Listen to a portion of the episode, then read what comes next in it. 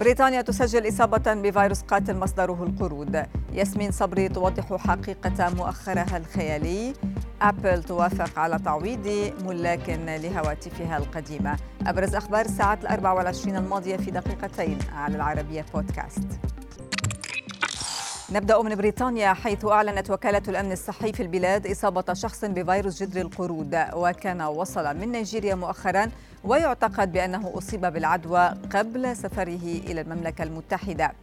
وصحيفة ديلي ميل أوضحت أن الوكالة تتواصل مع كل الأشخاص الذين تعاملوا بشكل مباشر مؤخرا مع المصاب مشيرة إلى أن الأعراض الأولية تشمل الحمى والصداع وآلام العضلات والظهر وتضخم الغدد اللمفاوية فيما قد يؤدي جدري القرود إلى وفاة واحد من كل عشرة مصابين لكنها لا تنتشر بسهولة بين الناس.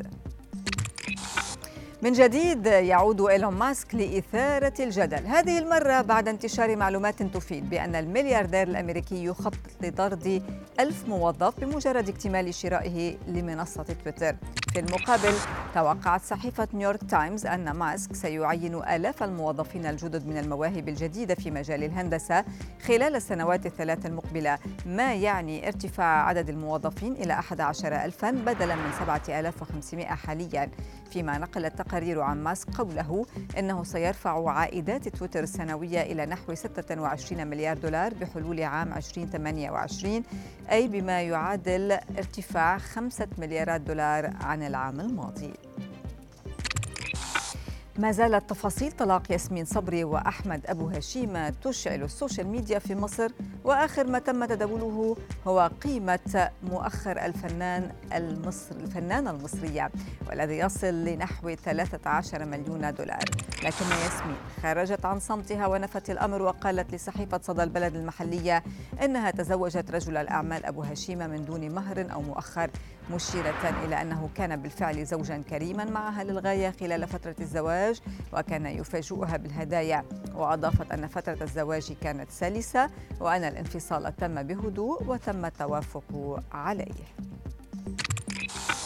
في آخر أخبار عالم التقنية ذكرت تقارير أن شركة أبل وافقت على تسوية دعوى قضائية اتهمت فيها بتعمدها إبطاء هواتف آيفون 4 إس بعد تنزيل تحديث آي أو إس 9 عام 2015 موقع مالك ماك رومرز أشار إلى أن أبل ستخصص مبلغ 20 مليون دولار لتعويض بعض مالكي الهاتف الذين عانوا من أداء ضعيف وذلك بمبلغ 15 دولارا لكل منهم فيما كانت الدعوى القضائية التي استمرت لست سنوات.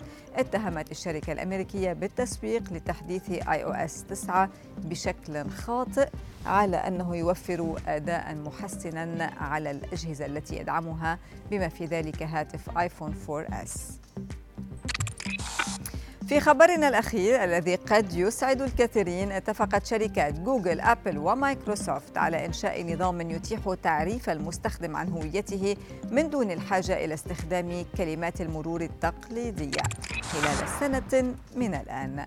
شركة جوجل أشارت إلى أن عملية تسجيل الدخول بدون كلمة مرور ستتيح للمستخدمين اختيار هواتفهم المحمولة كأجهزة مصادقة رئيسية للتطبيقات ومواقع الويب والخدمات الرقمية الأخرى.